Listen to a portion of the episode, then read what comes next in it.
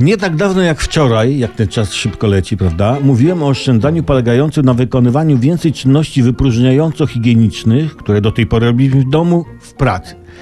Uderz w sedes, a żona się odezwie, nie? Co robisz łachu, jak to stare przysłowie mówi.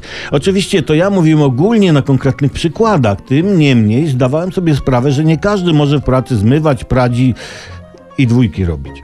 Napisał do mnie Leszek. Panie Olbratowski, ja pracuję jako taksówkarz. Gdzie do diaska mam zamontować pralkę albo zmywarkę, nie mówiąc już o prysznicu albo tronie na dwójeczkę. Inny słuchacz zauważył, panie Tomku, świetne rady z tym oszczędzaniem. Od razu wcieliłem je w życie, jednak szybko żona mokrą ścierą przypomniała mi, że pracuje zdalnie w domu. Jasne, no słuchajcie, no moja twórcza koncepcja oszczędzania, jakkolwiek słuszna, ma pewne, niewielkie, ujemne luki. Jednakowoż kolejny słuchacz podzielił się ze mną uwagą. Znam osoby, które może po części, ale właśnie tak robią i to już od wielu lat.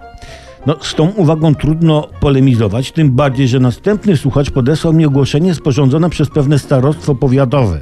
Cytuję.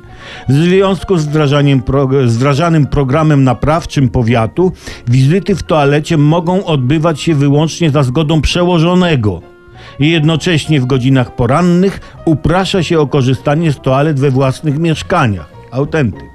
Słuchajcie, starostwo mi podsłuchiwało, no ewidentnie, ewidentnie. I postanowiło rzucić kłody pod szprychę oszczędności społeczeństwa rozumianego jako zbiór oszczędzających jednostek indywidualnych, tak zwanych podmiotów oszczędzających. No słuchajcie, starostwa wszystkie, tak się nie robi. Tak się nie robi.